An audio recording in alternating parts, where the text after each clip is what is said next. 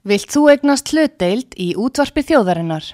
Sendu tölvupóst á hlutabref at útvarpsaga.is eða ringdu í síma 533 3943. Útvarpsaga stendur vörð um tjáningafrelsið.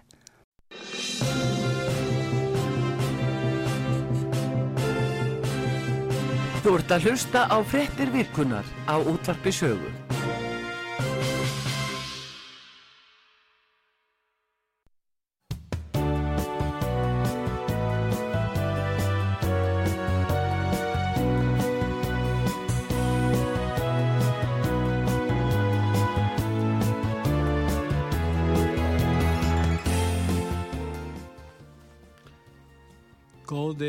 Hlustendur, þeir að hlusta á útvart sögu. Ég heiti Pétur Gunnlaugsson og gestur minni í þessum þætti er Helgi Áskretarsson, borgarfulltrúi í Reykjavík og stórmistar í skák. Velkomin til okkar Helgi.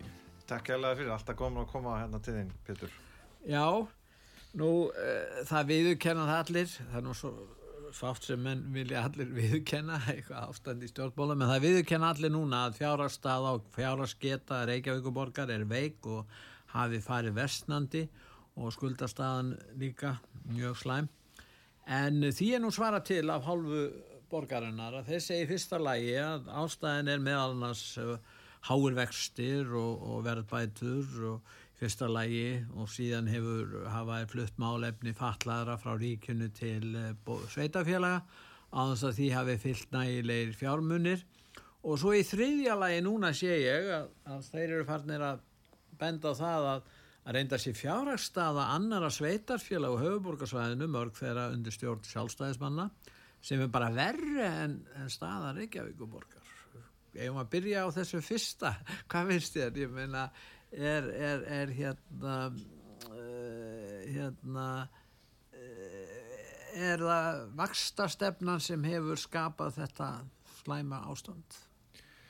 Það er uh, allan á mín persónulega skoðun og, og skoðun sjálfstæðisflósins hérna í Reykjavík að það er búið að þennja út borgarkerfið, stjórnsýslu hluta þess sérstaklega sem gera verkum að, að fjöldi starfsmanna í miðlæri stjórnsýslu Reykjavíkuborgar hefur aukist langt og umfram líðfræðilega þróun. Þetta þýðir með öðrum orðum að uh, það er búið að búa til það mikið bákn hjá Reykjavíkuborg að uh, kostnæður, launakostnæður er orðin allt of hár og það er sem sagt ákveði viðmið sem að er uh, talan 80% sem er þá hlutsatt launakostnæðar að samanlögum útsós og jöfnunnsjóstíkjum Reykjavíkuborgar en, en hlutalli er komið um með yfir 90%. Vandin, en sko, það var umræðum ársreikningi núna á þriðudaginn, síðastliðin. Já. Og sko, það sem að, að því að núna er ég bara búin að vera í tæft ár í borgamálunum í, í sem borgarfuttrúi og þannig að ég er þannig lagað sko nýri á þessu sviði en, en sko mínar álíktanir eftir umræðina eru í raun og veru eftirfærandi samfylkingin með Dagbjörg Eggersson borgarstjóra í brotti fylkinga er eiginlega nokk sama um fjármál Reykjavíkuborgar vegna þess að þau hugsa sem svo að það skipti ekki svo miklu máli pólitíst hvernig þessi mál séu. Það, vegna þess að sko eh, Reykjavíkuborg hafi þannig stöðu að hún, hún það stór að hún geti alltaf sótt sér meira lánsfíja. Þannig að í staðin fyrir, í staðin fyrir að leggja áherslu á aðgerði, bæði í máli Dagsby Eggerssona sérstaklega og í máli Skúla Helgasonar, fulltrúa samfélkingarinnar, þá er sko í staðin fyrir að viðkenna hvað slæman, staðan sé erfið og slæm með við allar helstu tölur og það sé nöðsynlegt að grípa til rótakara aðgerða þá hefur verið að vísi því hérna, hvernig þetta var í fyndin einhver tíma þegar sjálfstæðisflokkunum var við völdi í einhvern stuttan tíma í, eftir hrun. Það hefur verið að vís, bera saman borgarsjóð við ríkisjóð það hefur verið að bera saman uh, borgarsjóð við einhverja aðra sveitasjóði. Sko, Reykjavíkuborg hefur algjör að sérstuðu sveitafélag á Íslandi. Þetta er langstæsta sveitafélagið það hefur ótrúlega mikla burði að abla tekna. En, en mótilið, rekstrarmótilið sem að samfylkingin fyrst og fremst á samt pýrutum hefur komið hérna upp og eftir aðtökum viðreist er ósjálfbjart til lengri tíma vegna þess að það er, það er engin sko, hugmyndafræðinu öll er að auka fjölda, enna, auka fjölda ofinbæra starfsmanna án þess að það komi viðbóta tekjur eh, virðingin fyrir ofinbæri fjö er að mínum að þetta er mjög takmörkuð. Til dæmis endalausar ofinbæra framkvæmdur að hálfu Reykjavíkuborgar í miðbænum og í vestubæ Reykjavíkuborgar en, en svo í samanbyrði við til dæmis í útkverfunum sára lítið. Sko, það, til dæmis núna er eitthvað stóra framkvæmdur og hlemm Já. það er búið að samþykja til dæmis nýlega að, að halda áfram að, að hanna hérna uh, grófarhús. Sko, svo þegar maður sko, ég til dæmis eitt bandi og eitt í umræðinni sko, af því það, það eru þetta þannig fyrir venjulega borgar að þetta er svona kannski ekki þetta snerti mig ekki neitt. En það sem þetta gerir er það að álögur á borgarbúa verða alltaf í hæstu hæðum. Það verður ekki hægt að lakka fastingagjöldin og það verður ekki hægt að lakka útsvarið. Og mögulegar á þjónustu framtíðinni minka. Já, þetta eru hinn eina, eina sem ég sé út úr stefnu meiri hlutans núna með framsóknarflokki sem er orðið nýjasta hjólið undir hluta Fjá, fjórir borgarfulltrúar. það er það er að skerða grunnþjónustuna vegna þess að það á ekki taka til í kerfinu það er annarkvort að það leysa þetta pólitískt með því að benda En á er einhvern annan en það er er lögbundin þjónusta. Geta þær skert hana? Já, þú, get, þú getur gert það þannig að þú, þú drægir úr henni eða drægir úr kostnaði við hann að sko stitta hérna, þú veist, eh, aðganga sundlöfum til dæmis eða félagsmiðstöðum eða hér og þar í kerfinu til þess að skerða þjónustu en samt hefur eitthvað uh, grunnþjónustu.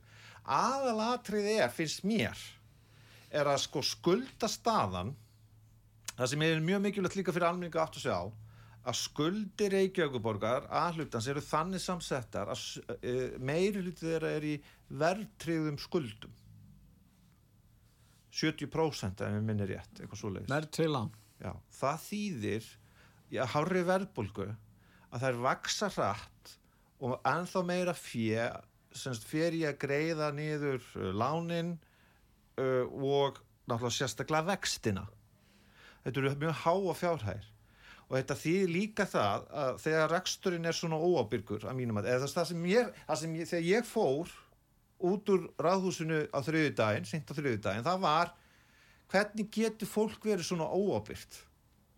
Það var þessi tilfinning. það var þessi tilfinning. Hvernig getur þeir sem eru búin að vera svona lengi við völd uh, verið hreiknir af svona óábyrgum málflutningi og bara segja ja, bara með því að benda á böl annar staðar, þá er þetta allt í læg hérna hjá okkur. En við skulum bara fara með ákveðnar til og með grunn kennitölur til og með bera saman fyrsta heila árið sem Dagur Bjarkarsson var borgarstjóri 2015 með við hvernig eh, þessar sömu kennitölur eru núna 2022 þannig að bara til dæmis varandi skuldsetningar hlutfallið 2015 það var erfitt ári í rekstri Reykjavíkuborgar af vissum ástæðum en þá var skuldsetningar hlutfallið 54% í alhlutunum og hafði þá hækkað um tæp 10% frá árun og undan það, það, það er allt í lagi, ok en ve- veistu hvað sama skuldahlutfall er núna Með að tekjuborgan.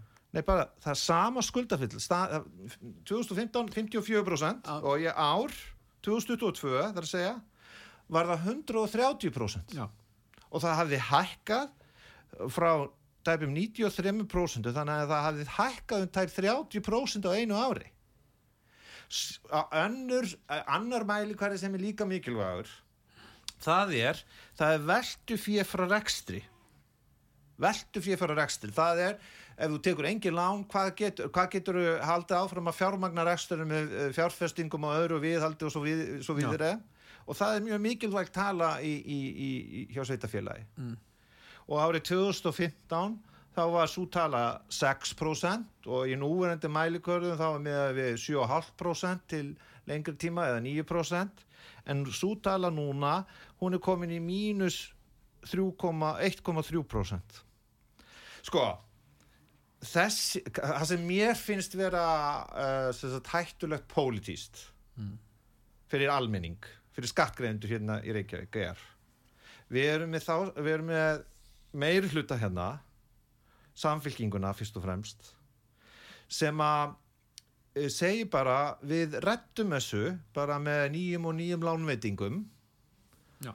og uh, hérna, það aðalatri fyrir okkur er að vinna næstu kostningar En er ekki ákveðin blekking í gangi hjá mörgum, ekki bara uh, samfélkingunni og þessu fólki píratum, heldur vegna þess að á þessu tímabili þegar þeir koma hérna 2010 og taka yfir og, og fyrstu árin, þá voru, sko, þá voru vextin mjög lágir, bæði hér á landi og sérstaklega í Evrópu. Og þeir gáttu tekið lán og, lán og þeir halda að þessi þróun haldi áfram. Núna er þessi lágvaksta tímabil í sögu Vesturlanda liðin undir lok. Núna þurfa að menna að porka miklu hæri vexti og það er eitthvað sem að yfirmenn borgarinnar og meilhutum verður ekki fara að gera sig grein fyrir núna eins og þú ert að segja, þeir ætla bara að halda áfram eins og ekkert hafi skeið.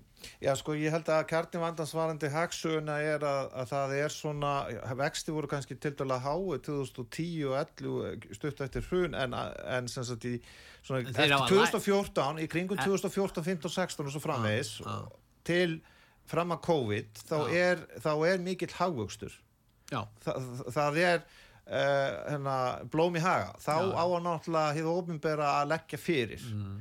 En það var bara haldið áfram að taka lán já, og svo kemur COVID og þá er áfram hægstætt að taka lán en svo, svo líku COVID já, og, og meðal annars ytra aðstæða þegar þú ert svona skuldsettur bara eins og við þekkjum á heimilunum ef við erum að, að taka svona áhættu sækna stöðu þá fara menn og, bara á og, hausi. og, og menn, menn skulda það er svona hátt hlutat sem við skuldum í samanbyrði við tekjur. Já, þá getur það enda með því með Já, og ef, að, ef að vextir hækka eða verðbólgan hækka og þú ert með verðtriða skuldir en ekki með verðtriða tekjur að, að þá bara lendur í vanda.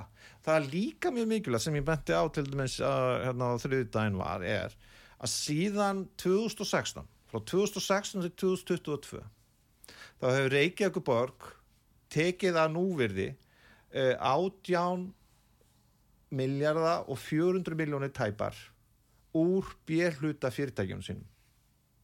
Þetta eru tölur vera fjárhæðir dótturfélögum fyrst og fremst orkuveitur Reykjavíkur. Já, já, ég meina orkuveita Reykjavíkur hún hefði þá geta mögulega í staðan fyrir að greiða svona háan arð eða geta lagt þetta hliða til arðbærar fjárfestinga eða til þess að lækka gjöld á notendur og svo framvegis sko það er sem sagt í grunninn í grunninn er Reykjavík allt öðru sem önnur sveitafjölug meðal annars vegna þess að það hefur þessa krúnu sem orkuveita Reykjavíkur er sem að skapa sko forsendu fyrir veist, að, já, bara töluverði eh, fjármunamyndun þeir hafa þetta arðbæra fyrirtæki til að leika sér með. Já og, og sko það er líka alveg, þú veist, það var margt held ég vel gert sem að undir tíð Jóns Gnars að það voru gerðar ágæti spreytingar í hjá Orkuvítur Reykjavík. Staða Já, fyrirtækis þá var, var erfið og það er margt jákvæmt sem hefur verið gert og það, það er líka ma- margt fínt rekstrafólk í ýmsum öðrum björluta fyrirtækjum. En sko það sem allavega tilfinningin mín eða, eða sko upplifun mín er að það er að, svona bara ábyrðarleysi og, og sko að politist við skulum veðra þennan vind og núna höldum við áfram að opna e, þessa fastegn eða klippa hér að borða og þar og vera með flotta fréttatilkynningar en við, við hreyfum ekkit við kerfinu. Við hreyfum ekkit við því vegna þess að sko ég held að margir upplifir Reykjavíkuborg þannig að það er ekkit endilega víst að almenningur sé að fá einhvað mikið betri þjónustu með því að, að, að það séu svona miklu fleiri embætismenn og, og að skrifraðið sé alltaf meira og meira.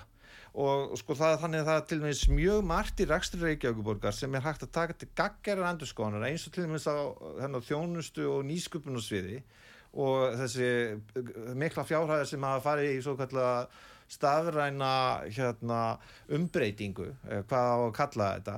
Og sko, þannig að ég held að það sé svo margt sem er hægt að gera vel. Framtíðar horfur Reykjavíkuborgar ef, ef ég myndi fá að ef við segjum að sjálfstæðisflokkun eða, manns eigin hugmyndu myndi fá að ráða þá er þannig fullt af tækifærum það er margt, ma ma margt upplust fólk sem að vinna fyrir Reykjavíkuborg og bérluta fyrirtæki þess að margt mjög jákvætt í rekstri Reykjavíkuborgar í grunninn mjög mikil en það þarf að breyta áherslum til þess að ná tökum á útgjöldunum. Þetta er útgjaldavandi. Og það þarf að tryggja það að, að allar þessar miklu tekjur sem kom í kassan að það sé að mæta grunnþörfum hérna, eða grunnrekstri sveitafélagsins og að það þarf að skera niður allt það sem er umfram. Það, það, það, það er óhjákæmilegt að mínu mati með við rekstratölunar að það þarf að fara að taka sko hana ákvarðin sem eru erfiðar til lengri tíma liti eða til skams tíma. Þú veist það er óhjákvæmilegt launakostnaðin sem hlutallar tekjum er allt og hár í að hluta Reykjavíkuborgar En verða er ekki að treysta áfram að fá tekju frá björlutan? Uh, upp að vissu marki upp að vissu marki en það eru sagt, blikur og lofti að mér sýnist í rekstri orkuveituna sko, eh, hversu mikið hún getur haldið áfram að greiða marga miljarda í arf að hún þarf að breyða hærri vexti núna. Já og það, það er ekki víst að, að veist, til dæmis í ár Það getur haft verulega já, en, en til dæmis í ár áhrif á, á aðdeildinu. já, eins og til dæmis í ár Já, þá, þá fyrir, fyrir árið 2022 var hún að greiði við 5 miljardar í já. bara núna fyrir hvað, tvei mánuðum eða hvað það var Já, skuldin hefði þá verið 20 yfir 20 miljardar hjá aðdeildinu ef að þessi penningar hefði ekki komið. Já, en svo, líka sko, það, það er svo margt annað sem er í aðalatrið, aðalatrið er það að það er fullt af tækifærum til þess að hagra í rekstur Reykjavíkuborgar, til þess að endurskipilegja reksturinn og byggja á því að tekjur séu umfram gjöld og að, að, sé, að reksturinn sé sjálfbær.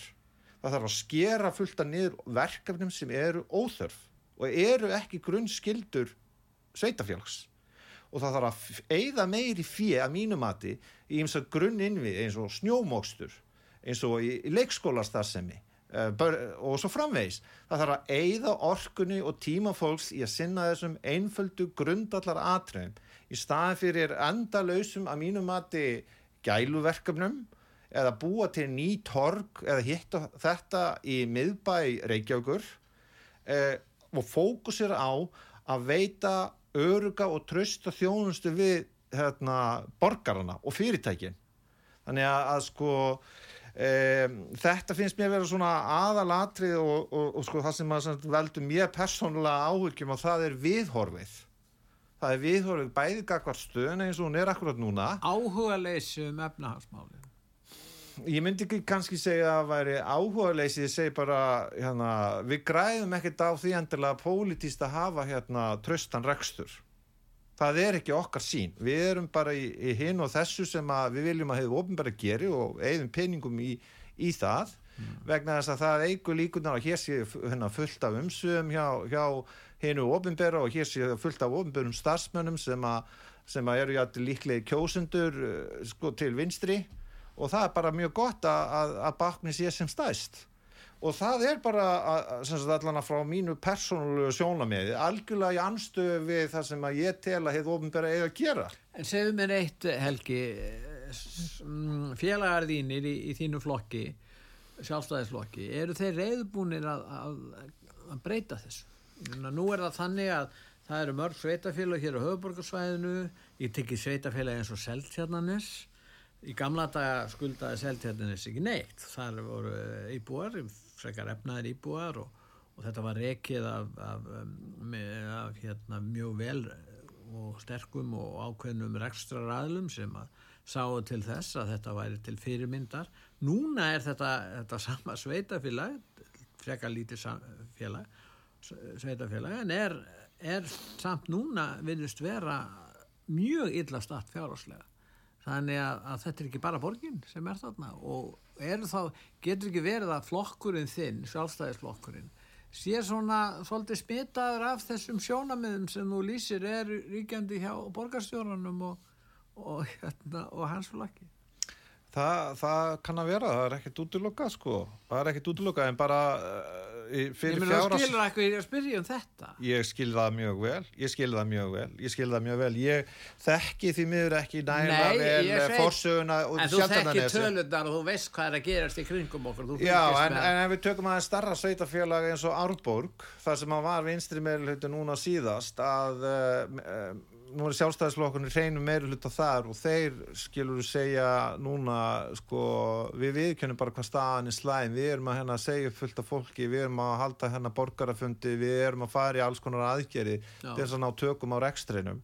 Og, og ég er alveg sammálega að saga seltjarnis til dæmis var svo að, að þetta væri traustur rekstur og ég veit ekki nákvæmlega hvað þar. hvað fór nákvæmlega úrskeiðis eða hvaða fjárfestingar þeir gripu til.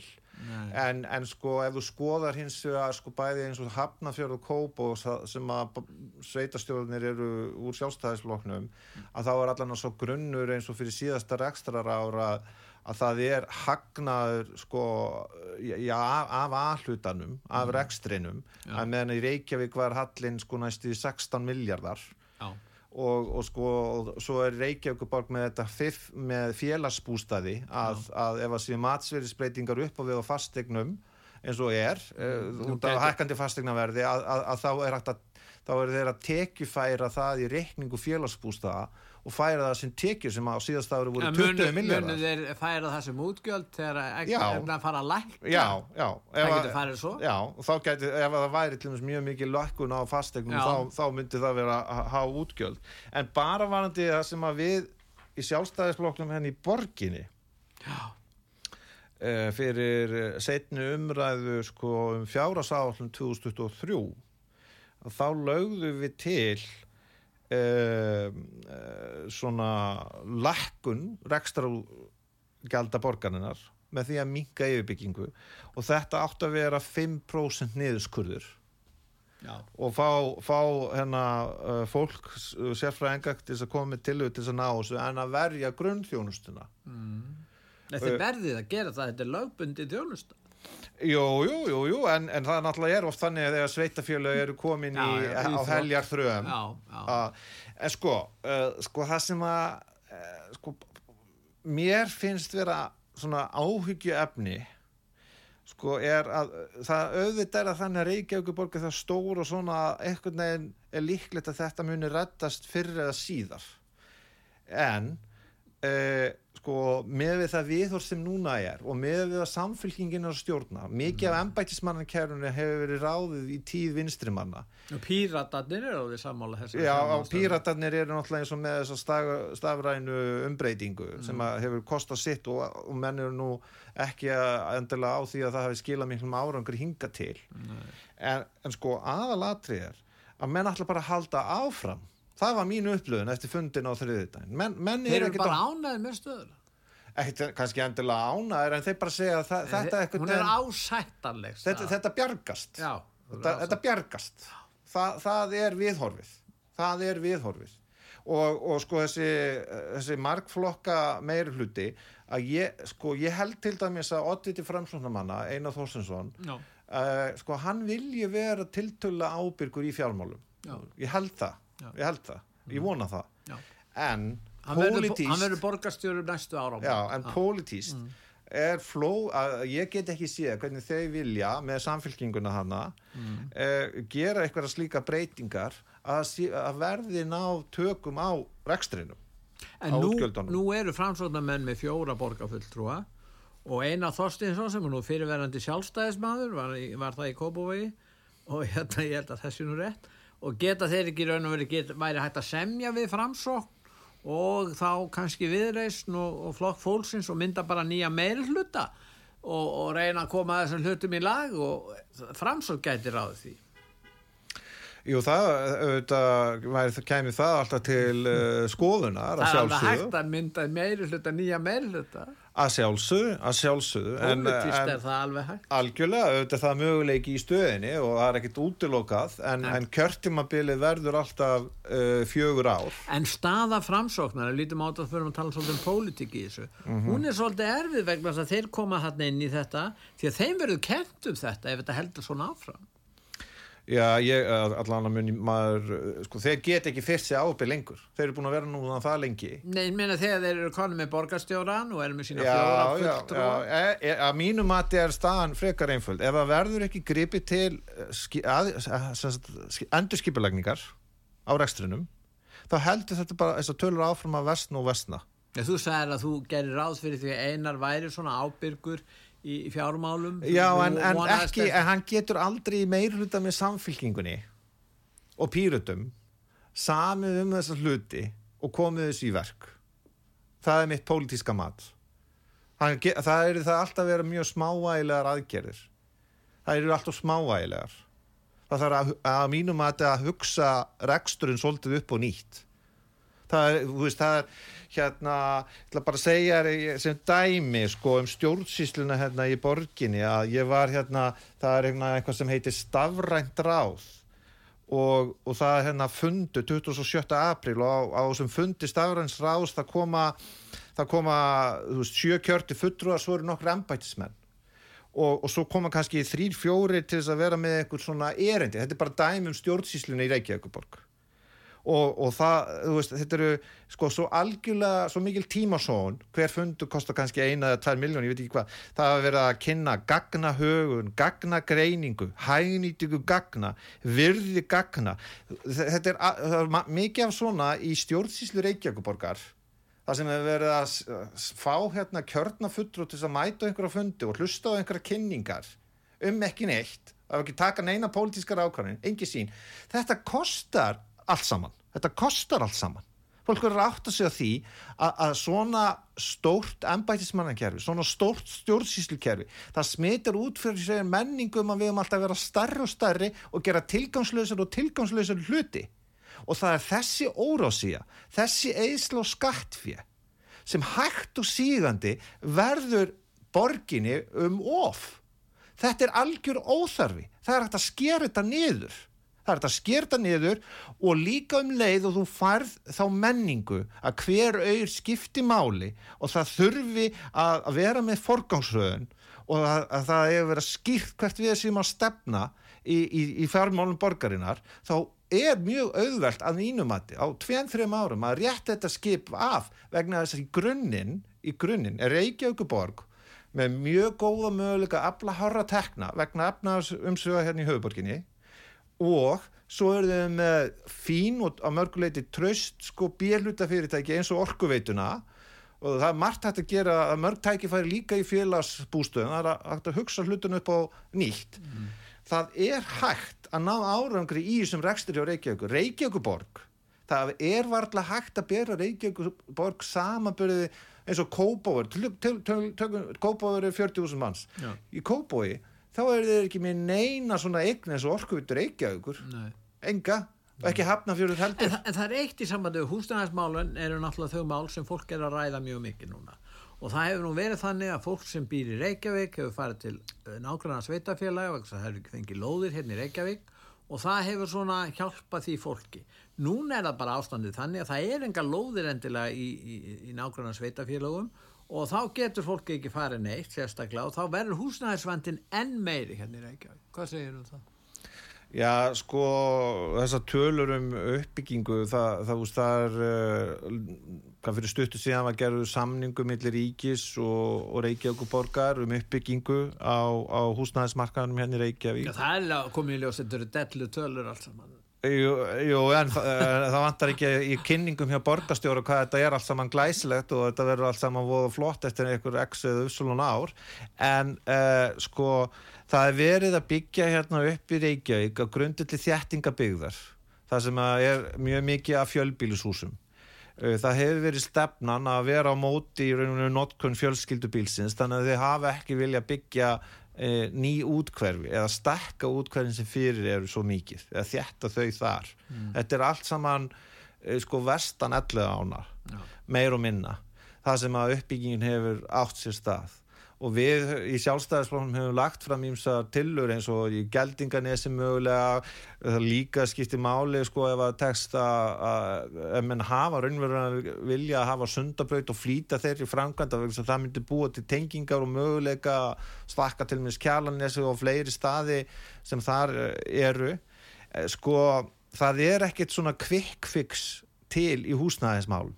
Við erum líka átt okkur að því að, að uh, það voru líka fréttinu það fyrir stuttu að það er ekki það mikið af hérna, um, nýfæðingum. En við erum að fá inn mjög mikið af nýju fólki Já. gegnum uh, frá útlöndum. Uh, það, það er að koma hérna enn mikið töluvert af, af innflytjundum eða fólks líka sem sækir hérna um hæli. aldrei, aldrei verið meira þetta þetta er óviðráðanlegt segja menn sem að Já, en sko, sko í varðandi húsnæðismálin að þá skipti það tölvöru máli uh, eins og staðinu núna eins og staðinu núna. Og með, menn ætla að halda áfram að byggja á að, núverandi aðalskipulagi. Þá verður byggðin hérna vestan megin við elli árnar. Áfram hérna, það verður áfram þétt það verður áfram erfitt að leggja bílnum, það á að þvinga fólk að hætta að nota bílinn það borgarlínan á að leysa öll heimsins vandamál að þessu leiti og, og þetta verða dýra regnir vegna þess að það til dæmis bara það að uh, tökum eins og Hallgerðargötuna eða það sem að Kirkjusansreitin eða þar, það Já. sem er núna líka uppbygging Einmitt.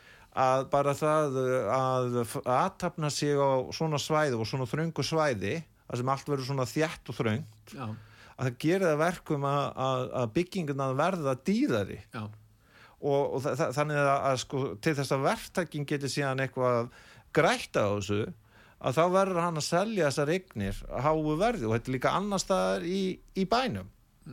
Þannig að sko eh, hérna, þá, þá koma kannski já, við, við erum hérna með eitthvað í Gufunesi eða hing- hinga og þanga svona félagslegar blokkir eða, eða gegnum bjarg eða hvað á að kalla það. já, Þannig sko í, í varðandi húsnæðismálin að þá vildi ég að ég, ég gæti komið með eitthvað töfra laust en á meðan að stefnan er svo á meðan að stefnan er svo að fólk á ekki að eiga bíl og að sé ekki þörf á því að stakka borgina meira til austus það, vegna þess að það er nógu landflæmi anþá til í Reykjavík.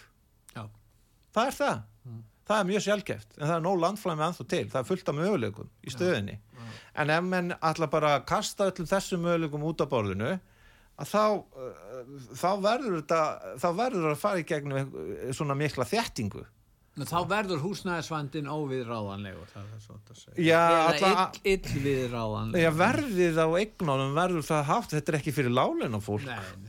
Nema þá að þú, þú sko það er náttúrulega eitt það sem er þá pólísían eða stefnan að, að bara að félagslega kerfi gegnum félagsbústæði að það stekki og stekki og stekki Reykjavík er ekki borg fyrir þá sem er ekki ríkir. Ég, ég veit en náttúrulega sko eins og til minns félagsbústæðir eru núna uh, hafa stekkað það mikið, eru komið yfir, yfir 3000 eignir. Og það er náttúrulega tilnefingin að að stekka það en frekar. En punkturinn er ef að, ef að þú ert að byggja núverandi aðalskipulagi og byggja núverandi pólitísku síniskipulas og umfyrðamálum að þá viltu einfallega ekki stakka til austus þar eru fullt að tækifærum einnig. Góðir hlustendur, er að hlusta á útvarssögu, ég heiti Pétur Gunnlaugsson og gestun minn í þessum þætti er Helgi Ás Gretarsson, borgarfulltrúi í Reykjavík og stórmestari í Skák. Og við ætlum að hlýða núna á nokkrar auðlýsingar og höldum svo umræðin áfram eftir auðlýsingar hér.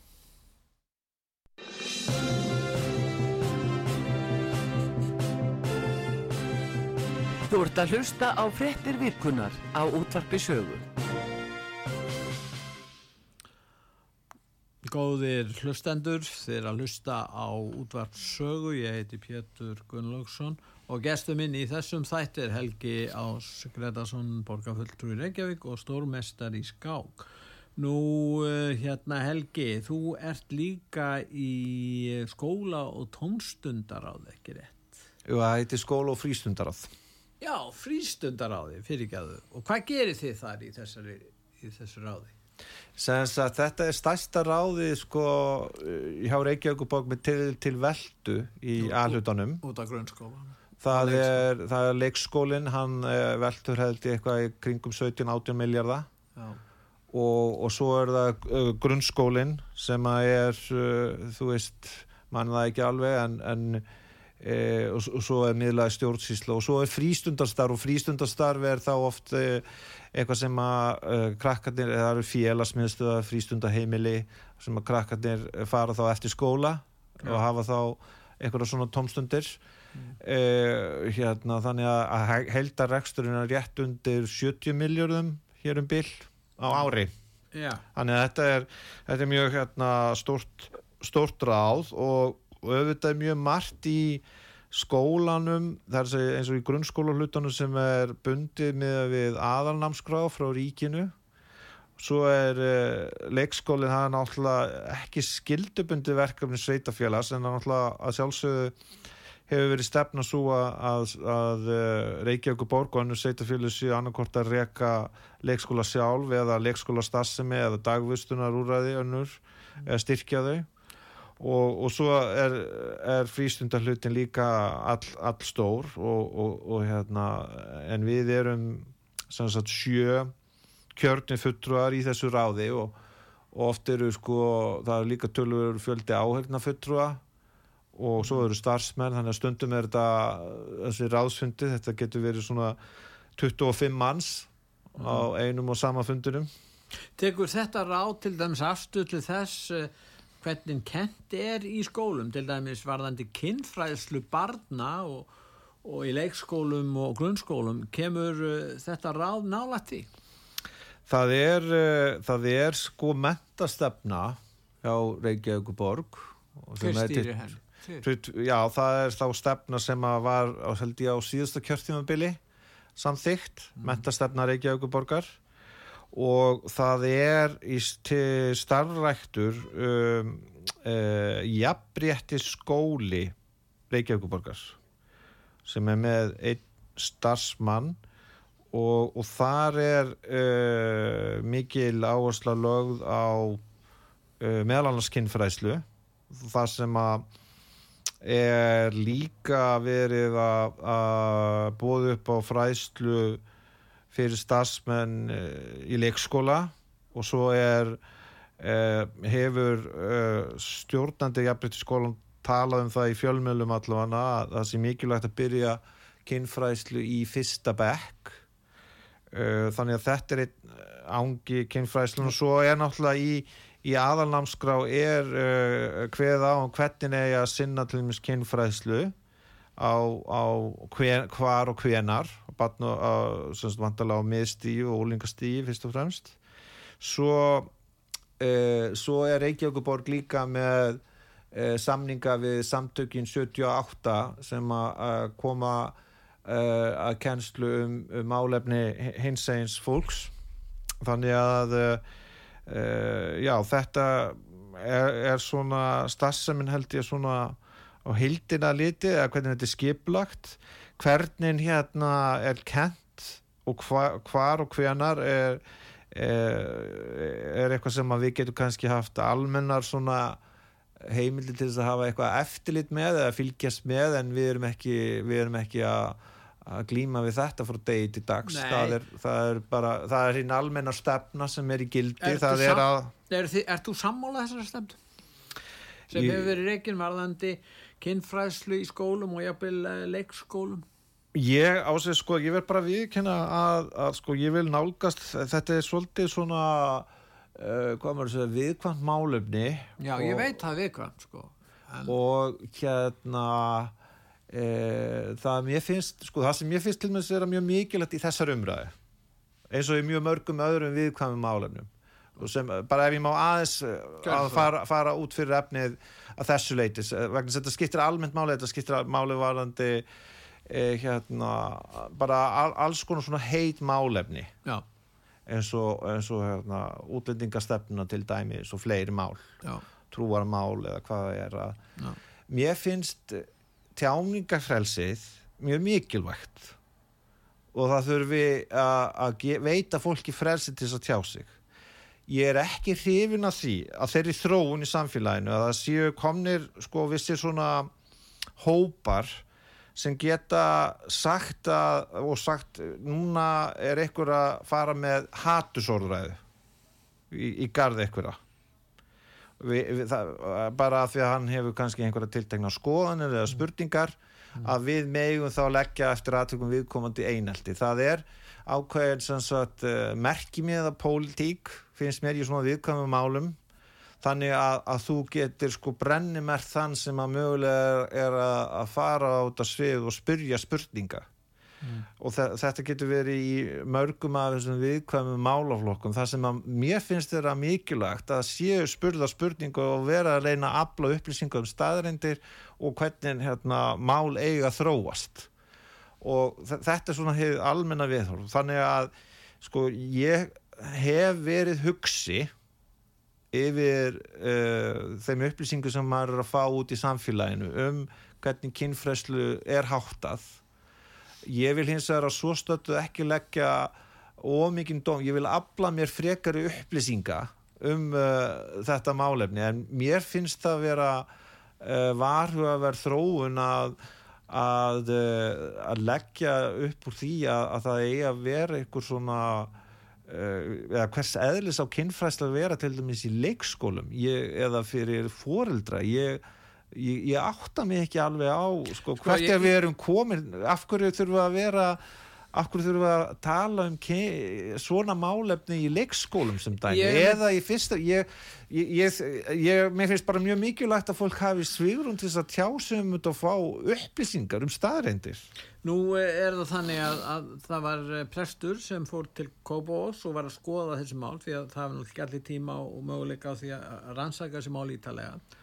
og hún hefur le- sagt að námsafnið í þessum málum og sem er verða í öllum skólum ef þau eru ekki þegar að er upprunnilega frá alþjóða helbriðismálastofnunni og þar er ákveðin eh, áætlun um kynfræðslu. Og hún hljóða svo, ég meina eh, ég ætla að reyna að fara fljótt yfir þetta 0 til 4 ára kenna þeim að kann og ko- skoða eigin kynfæri segja þeim frá eigin ánægju og óska þessum fræðir þá er tekið fram í efninu á þessum aldrei að kenna börnum sjálfsfróun fjara til 6 ára börn kenna þeim að njóta þess að snerta eigin líkama og snem sjálfsfróun ræða við börn um kynlíf 6 til 9 ára skoða kynlíf á netinu og kenna þeim að finna ánægju við að fróa sér.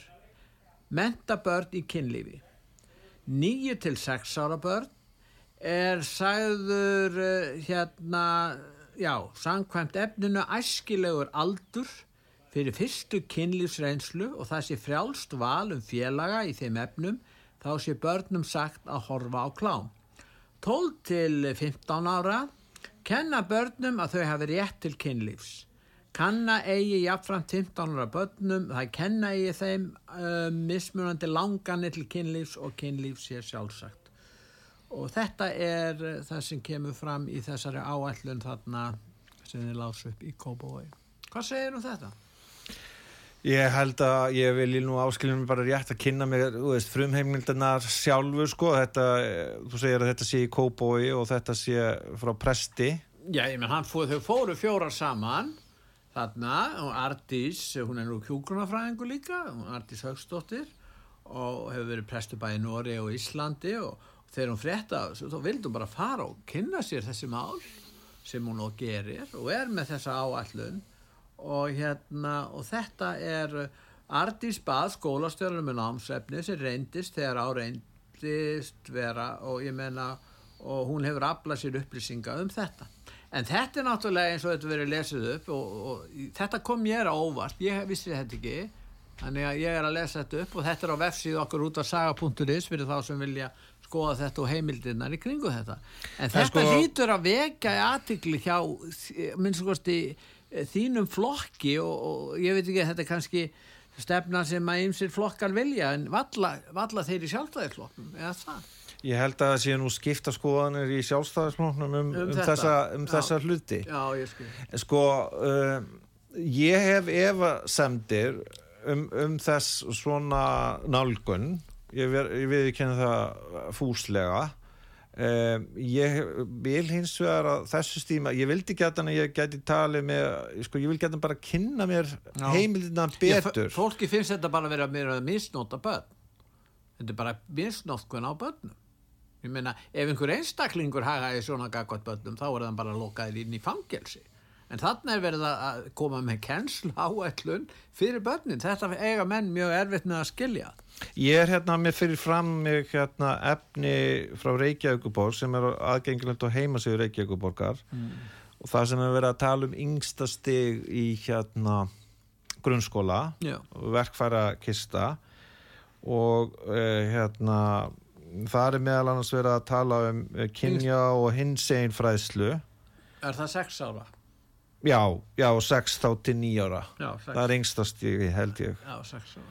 og það, þarna er verið að benda á ævintýrabækur í hinsegin fræðum og, og svo er ímsa bækur svo sem ævintýrabækur til kennslu taka á og augra staðamyndum kynjana á einn eða annan hátt.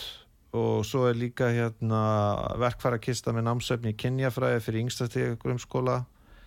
Og svo er líka hinsegin uh, fræðsla á yngstastíðinu sko ég sko þetta finnst mér líka að vera almennt sér svona að ef við myndum segja sko sömur kalla þetta jafnrétti sinnaðin Já. En af hverju tengja er svona kynli batna við jafnrétti? Hver er hugsunin á bakvið það? Uh, Þetta tengist sko því væntanlega að uh, feministar eða vissir fræðimenn á sviði kynjafræði vilja út, útrýma tvíkynja kerfinu. Það er að segja að það séu fleiri kyn en tvö. Og, og þess vegna eigi sko að koma framfæri upplýsingum um að, að einstaklingurinn hann eigi val. En finnst ekki óeilegt að því svona serviska skulle vera innleitt inn í skólakerf? Uh, en þetta er bara búið að vera í nokkuð tíma og uh, sko ég persónulega er þeirra skoðunar að, að það sé fylsta ástæða til þess að afla að sé frekar upplýsingar um þessa þróun frá tröstar heimildir og eiga sko rökræðu um þetta. Ég, ég til dæmis eh, treyst við til að skrifa tvær greinar í blöð, annars var ég er í morgunblæð og hins vegar á vísi.ri sem varðaði sko hormóna með þær uh, batn og ungmenna og ég gerði það fyrst og fremst að ég hafði traustar heimildir frá eh, nýluðum rannsóknum, ofinbörum rannsóknum eh, sem sérfræðinga í Svíþjóð og Nóri og Englandi. Og vildi bara koma á framfæri vissum hugleggingum bara er, eigum vissi samfélag að að segja að það sé bara eðlilegt að, að, að einstaklingu fari í kynhormóna meðferð til þess að bæla uh, hérna bæ, bæ, bæla þetta þroskasti sem úlinga, úlingsárin eru og kynþroskan. Bæla uh, í raun og í vekk fyrir að þú náum vissum kynþroska sem einstaklingur. Uh, hérna veist, vegna þess að það eru komnar efasendir eins og í þessum ríkjum sem byggðar er á, á reynslu rökum og á vísindarlegum niðurstöðum. Eh, hérna, það, það sem að ef verið að að benda á ímis tilvík það sem að, að, að það sé ástæða til þess að gælda varhug við, við notkun þessara hérna, livjagjafar og, og sko maður hefur hjá sögum fengið eitthvað staðar svona bátt fyrir aðalatrið aðalatrið eins og í því tiltegna máli er að, að við getum eftir einhver x eða úslunan ár lent í því, það er til og með mjög frækt uh, dómsmál í Englandi, það sem að einstaklingu sem fór í svona meðferð og uh, varð uh, hérna, mjög ónar og höfðaði mál við Breska ríkið til þess að fá að það erði bannað að svona meðferð erði beitt á uh, börn undir vissum aldri. Og það, þetta er dómum frá hvað, haustunni 2020 og, og, og, og það, vegna þess að það eru þá, þá einstakling eins og í sænskri skýslu frá februar 2022 það voru að benda á að, að reynslan væri að, að fólk væri síðan með evasendur og liði illa yfir því að hafa, hafa gengið í gegnum þetta. Og þetta er þá ríki líka sem hafa miklu meiri reynslu í þessum tiltekna málaflokki. Mér finnst bara mikilvægt í svona viðkvæmum málum að við reynum að aflokka staðarinda en það sem að gerist oft það sem gerist oft í, í hagsmunagæslunni er að fólk er litað einhverjum sterkum litum hinga og þangað til þess að kæfa niður málefnalega umræði vegna þess að hver hefur hugur ekki að tala um þessa hluti Akkur vantar hugur ekki til þess. Ég get alveg fjallað um þetta hér útvarpu sögu og ég fjalla um mjög smáli og ég, ég er ekki trættu við það. Já, en, En þarf myndir þú, myndir sjá, myndir þú sjá það fyrir þér að ríkisútvarpið væri með, með slíka umfjöllun? Akkur ekki. Þess að gera það ekki er Nei, það? ákveður ekki vegna þess að þessi ríkisútvarpið er undir stjórn ákveðnar hugmyndafræði. Það er málið. Þeir eru undir stjórn, þetta er ekki hlutlaus miðill. Þetta er, Svo... er miðill sem stiður pólitíska réttugsun, ekki allir fréttamennandi þar, en stór hluti þeirra. Þeir hafa fyrirfram ákveðna pólitíska skoðanir og þjóna íslensku stjórnmálastjettinni og 70% af íslensku stjórnmálastjettinni og kannski 90% eru vinstrisinu mm. og það er verið að bóða þessar kenningar. Og þið til dæmis í sjálfstæðisfloknum þið eru verið vera alveg bjarga lausir og vitið ekkert hvað ég að gera í þessu málum. Það er verið að afnema eh, kristinfræsli í skólum og svo verið að innleiða þennan kennsókallu kennslu í, í kinnfræslu sem er ekkert annað viðbjóður, gagvat börnum. Það er alveg ljóst. Ég, ég held að ég þurfa að kanna þetta mál betur með kinnfræsluna mm. þessu leiti en almennt sé það sko líka mér hefur oft blöskrað í, í svona málum að, að þeir sem eiga að vera með akademísku og gaggrína hugsun háskólaborgarannir, þeir þóra aldrei að fara fram og tjá sig um eitthvað svona málefni.